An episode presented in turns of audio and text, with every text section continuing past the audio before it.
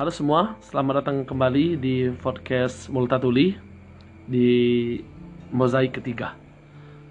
Pada kesempatan kali ini, saya ingin berbicara terkait virus yang tengah merebak di seluruh dunia, yaitu virus COVID-19 atau virus corona. Eh, obrolan yang akan saya bangun pada malam ini yaitu mengenai humanity in COVID-19 atau kemanusiaan di dalam virus COVID-19 atau virus corona ya lebih tepatnya. Eh, jadi akhir-akhir ini dunia sedang dihob- dihebohkan dengan satu wabah pandemik atau sampar di mana eh, virus ini telah menjangkit sekitar setengah wilayah bumi kemungkinan atau setengah wilayah daratan lah bisa jadi di dunia karena memang benar-benar virus ini sudah menyebar luas di belahan dunia lain. Apa yang menjadi relevan untuk kita bicarakan di dalam satu obrolan terkait sampar? Maka kemanusiaan tidak pernah luput dari hal itu ketika manusia tengah berada pada posisi terancam dari hegemonia. Manusia yang telah lama menjadi hegemoni atas bumi, yang telah menaklukkan seluruh seluruh makhluk yang ada di bumi, dan mereka menggunakan atau mereka mengeksploitasi seluruh kekayaan yang ada di bumi untuk kepuasan pribadi. Itu itulah ialah manusia hadirnya pandemik atau wabah ini merupakan salah satu hal yang tidak pernah kita luput dari kehidupan dari tahun-tahun sebelumnya. Di 2019 atau 2020 kita bertemu dengan corona. Di tahun-tahun sebelumnya kita bertemu dengan virus MERS. Di tahun sebelumnya lagi kita bertemu dengan Ebola. Kita bertemu dengan flu burung. Kita bertemu dengan flu babi dengan AIDS, dengan berbagai macam penyakit atau wabah yang semua itu uh, datang hadir untuk menghabisi manusia. Kita tahu bahwasanya manusia tidak segan-segan menghilangkan suatu nyawa demi kepentingan pribadi dan kita tahu juga bahwasanya ketika manusia itu berada dalam satu ancaman dalam uh, suatu peristiwa yang bisa dikatakan peristiwa kolektif maka semuanya akan bersatu untuk melawan. Kita tahu bahwasanya konflik Palestina Israel itu sudah bertahun-tahun tidak pernah bisa mencapai titik kesepakatan damai. Dengan hadirnya virus ini maka wilayah tersebut menjadi ya bisa kurang dikatakan damai sebentar atau genjatan senjata sebentar untuk mengantisipasi virus corona. Uh, ya, ya info ini saya dapat di sosial media tadi di akun Fakta Indo kalau nggak salah. Jadi dalam dalam dalam pembicaraan yang sangat relevan terkait sampar, maka bicara kemanusiaan tidak akan habis-habisnya kita tahu bahwasanya semua orang atau manusia itu harus bergabung menjadi satu untuk bersama-sama melawan satu wabah ini. Uh, di sini saya akan berbagi cerita mengenai tadi saya searching atau saya tonton di akun Instagram Redfish kawan-kawan uh, bisa lihat di akun IG Redfish Stream sebuah akun IG yang sebagai corong atau sebagai wadah tempat uh, memberikan informasi terkait perlawanan-perlawanan aktivis dalam menuntut hak dan uh, bisa dalam kesepakatan. Uh, di dalam akun tersebut uh, banyak sekali pemberitaan terkait uh, saudara-saudara kita yang sedang melawan virus corona di belahan dunia. kita tahu dalam akun ini banyak sekali relawan-relawan atau banyak sekali berita-berita yang membicarakan tentang kemanusiaan di dalam satu kehidupan politik internasional. Baru-baru ini Kuba dengan sangat lantang, dengan sangat dermawan, dengan dengan semangat kerelawanannya, kerelawanannya, ia mengirimkan sekitar 37 delegasi dokter dan 15 delegasi suster atau perawat ke Italia untuk menolong negara yang sudah kita tahu dari zaman Romawi kuno itu adalah negara yang sangat maju, makmur dan ya ter, ya kita tahu lah ya itu. Kuba adalah suatu wilayah kecil di bagian selatan Amerika Serikat atau lebih tepatnya di wilayah Latin atau di dekat-dekat Meksiko yang dulu pernah menjadi ancaman bagi Amerika dalam perkembangan ideologi dunia. Ini dengan dengan penuh semangat kesosialisannya mungkin mengirimkan bantuan ke negara Italia. Kita tahu bahwasanya di tahun 40 1945 atau sebelumnya Italia adalah satu negara fasis yang dipimpin oleh Mussolini. Uh, uh, atas ya saya sangat ya saya sangat uh,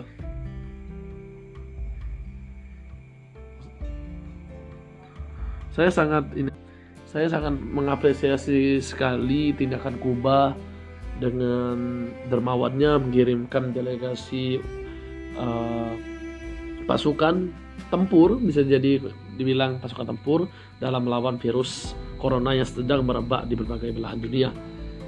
Dan kita tahu bahwasanya hal ini menjadi narasi bersama bahwasanya manusia harus menjaga, harus berkolektif, harus tetap bisa bersaudara untuk hidup di muka bumi ini.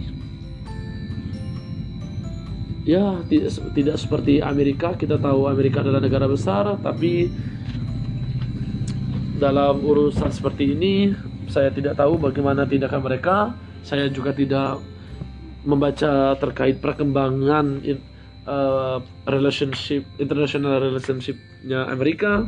Dan di sini baru-baru saya lihat video terkait uh, tanggapan rasis yang disampaikan oleh Trump yang menyebut dengan Chinese virus atau virus Cina. Dan ya di sini saya juga bisa melihat bagaimana perjuangan rakyat Spanyol, rakyat Itali, rakyat Prancis dan berbagai macam belahan dunia di Eropa khususnya dalam melawan virus dan masyarakat berbondong-bondong untuk mencegah mewabahnya virus tersebut. Di Indonesia, virus ini sudah lumayan cukup signifikan dalam memberikan efek ke dalam wilayah Indonesia. Ya pasti dampak ekonomi tidak bisa kita hindarkan lagi untuk menggampar Indonesia dari keteledorannya menanggapi isu virus corona. Eh, kasus yang ada di, di Indonesia sudah terbilang ratusan, tapi sepertinya menurut informasi yang saya dapatkan sekarang belum sampai ke angka ribuan. Tapi kalau sudah, tapi kalau informasi ini salah, mohon diluruskan kembali atau dikonfirm, dikonfirmasi. Untuk wilayah yang paling banyak terkena atau terjangkit virus ini yaitu wilayah Jakarta dan untuk domisili saya di Sumsel atau lebih tepat di Palembang itu menurut berita resmi dari web provinsi Sumsel atau web pemerintahan daerah yang kawan-kawan bisa cek di corona.femprov.sumsel.co.id yaitu uh, tertulis berita untuk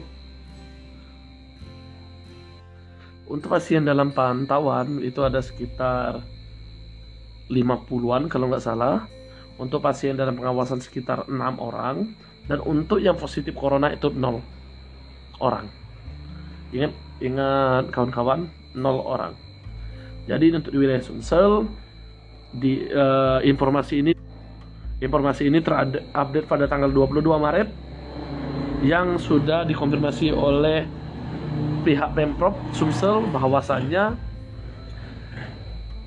uh, pasien yang positif corona itu nol. Tapi untuk dalam pengawasan dan pemantauan itu ada beberapa orang. Hal ini menunjukkan bahwasanya kita sebagai warga sekitar di provinsi ini harus dengan bijaksana dalam menggunakan sosial media. Karena memang ketika kita dalam kondisi yang sangat-sangat uh, genting seperti ini atau sangat urgent, ya kita harus tetap menjernihkan informasi yang beredar di tengah masyarakat. Karena tugas untuk mengedukasi masyarakat adalah kita-kita ini. Jadi kawan-kawan mohon setiap pemberitaan atau setiap berita itu harus di cross check ulang terlebih dahulu agar halnya hal-hal tersebut bisa valid dan tidak menyebar dan tidak menimbulkan kegaduhan di dalam kelompok masyarakat kita. Dan yang paling penting adalah kita harus tetap berusaha untuk membantu pemerintah atau membantu semua saudara-saudara kita atau membantu semua masyarakat dunia ini untuk menghentikan virus ini. Yaitu dengan cara satu kita mulai menghentikan aktivitas di luar atau setidaknya mengurangi mengurangi tindakan kita di luar itu berdiam sajalah di rumah. Karena karena hal ini sangat kita butuhkan untuk bisa memutuskan rantai sampar di wilayah kita. Dan juga kedua dan juga selalu tetap kita usahakan untuk menjaga diri kesehatan mulai dari mencuci tangan mandi atau dan sebagainya. Karena hal ini sangat penting bagi kita bahwa uh, untuk menjaga tubuh kita biar tetap steril. Dan dan yang pasti kawan-kawan diingatkan bukan diingatkan maksudnya diberitahukan kembali atau dihimbau kembali bahwasannya keluarlah pada saat yang penting saja yang urgent saja. Kalaupun tidak terlalu penting seperti nongkrong atau teman-teman kawan itu bisa diadakan dengan online. Itu. Dan kedua yaitu ini yang harus saya sampaikan. Yang harus benar-benar saya sampaikan. Ketika kondisi lockdown dan kawan-kawan sudah mengikuti anjuran tersebut otomatis kawan-kawan tidak mengeluarkan biaya yang lebih banyak untuk beraktivitas. Nah, di sini kekuatan kolektif kita dan atau kekuatan sosialisme yang ada dalam diri kita itu terpanggil. Kita tahu di luar sana masih banyak orang-orang uh, sedang memperjuangkan atau sedang berjuang dalam melawan wabah ini. Dan kita tahu bahwasanya para dokter, perawat, dan ya profesi-profesi lain tengah mengusahakan bagaimana virus ini bisa diselesaikan agar tidak menjadi satu bencana kemanusiaan. Oleh karena itu kawan-kawan, daripada kita hanya menghabiskan ya mungkin uang atau tenaga atau waktu kita dalam hal-hal yang tidak terlalu berguna, misalnya kita mem misalnya kita memberikan informasi yang tidak terkonfirmasi atau tidak valid atau cuma berleha-leha tapi tidak ada gerakan. Ya daripada gitu mending kita satukan kekuatan satukan tekad dan satukan bari dan kita rapatkan barisan. Kita bersatu padu untuk melawan virus ini dengan cara sumbang sumbangan sedekah. Jadi sekarang sedang maraknya pencarian biaya atau dana yang dilakukan oleh NGO-NGO atau yang dilakukan oleh satu badan-badan tertentu untuk uh, dibelikan atau untuk memfasilitasi para pejuang virus untuk mensterilkan wilayah kita ya Indonesia. Jadi kawan-kawan yang masih mempunyai uang atau yang masih mempunyai simpanan atau katakanlah uh, uang harian Anda, silakan kawan-kawan bantu NGO tersebut untuk menyumbangkan sedikit rezeki kawan-kawan. Tidak usah muluk-muluk, seribu, dua ribu, sepuluh ribu, lima belas ribu, dua puluh ribu, dan sesanggup kalian, yaitu dengan sedikit pun uang kalian itu bisa membantu kita membantu para relawan mengstop atau mengkat wabah ini.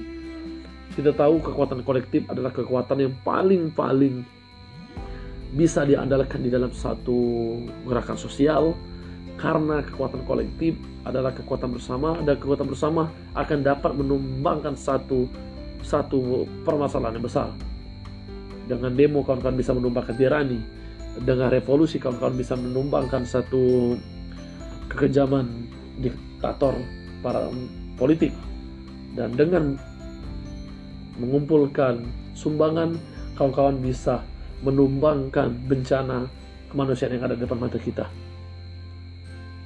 Di belahan dunia lain sudah mulai di sudah mulai digalakkan terkait sumbangan-sumbangan dan saya baru tahu atau uh, entah itu terkonfirmasi pada atau tidak dengan teman saya bahwasanya di Korea Selatan para orang-orang ya bisa dikatakan punya uang lebih itu sudah menyumbangkan banyak banyak hartanya untuk meredam penyakit ini. Di sini kita tahu bahwasanya manusia yang tadinya makhluk ini makhluk so, makhluk sosial tapi keindividualisan sekarang sudah mulai bergerak sudah mulai punya kesadaran bersama bahwasanya perjuangan kolektif adalah perjuangan satu-satunya perjuangan yang harus kita tempuh untuk mengkat wabah ini. Jadi kawan-kawan semua ingat kemanusiaan tidak lahir dari satu kebetulan, tapi kemanusiaan itu lahir dari atas satu permasalahan. Ada yang tidak baik-baik saja di dunia ini, ada yang tidak berjalan sesuai dengan aturan dunia, maka itu harus kita luruskan dan harus kita benarkan.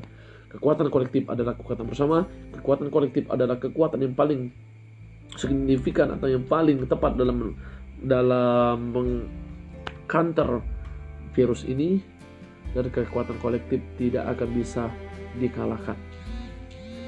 Oleh karena itu kawan-kawan, selain kita harus menjaga diri, selain kita harus tidak ya tidak keluar-keluar untuk menghentikan virus ini dan satu lagi jangan lupa untuk menyiapkan uangnya karena diganti dengan tenaga katakanlah tenaga online untuk membantu orang-orang dan itu sangat diperlukan ingat kawan-kawan 5000 1000 atau seribu, dua ribu, sepuluh ribu, dan berapapun itu silakan kawan-kawan sisihkan untuk perjuangan bersama ini. Linknya min atau linknya atau di mana kawan-kawan bisa cari di IG. Ketika kawan-kawan sudah atau di di sosial media ya maksudnya, ketika kawan-kawan sudah memberi hashtag sumbangan atau sedekah maka banyak di situ NGO-NGO yang akan siap menampung Anda. Terima kasih. Itu saja pembahasan dari saya. Ingat, kemanusiaan muncul karena adanya ketidak ketidakadilan dari atau ketidaknormalan dalam satu hubungan so, dalam satu so, e, kondisi sosial. Maka dari itu kemanusiaan kita hadir untuk mengcounter hal itu. Terima kasih. Salam Multatuli. thank you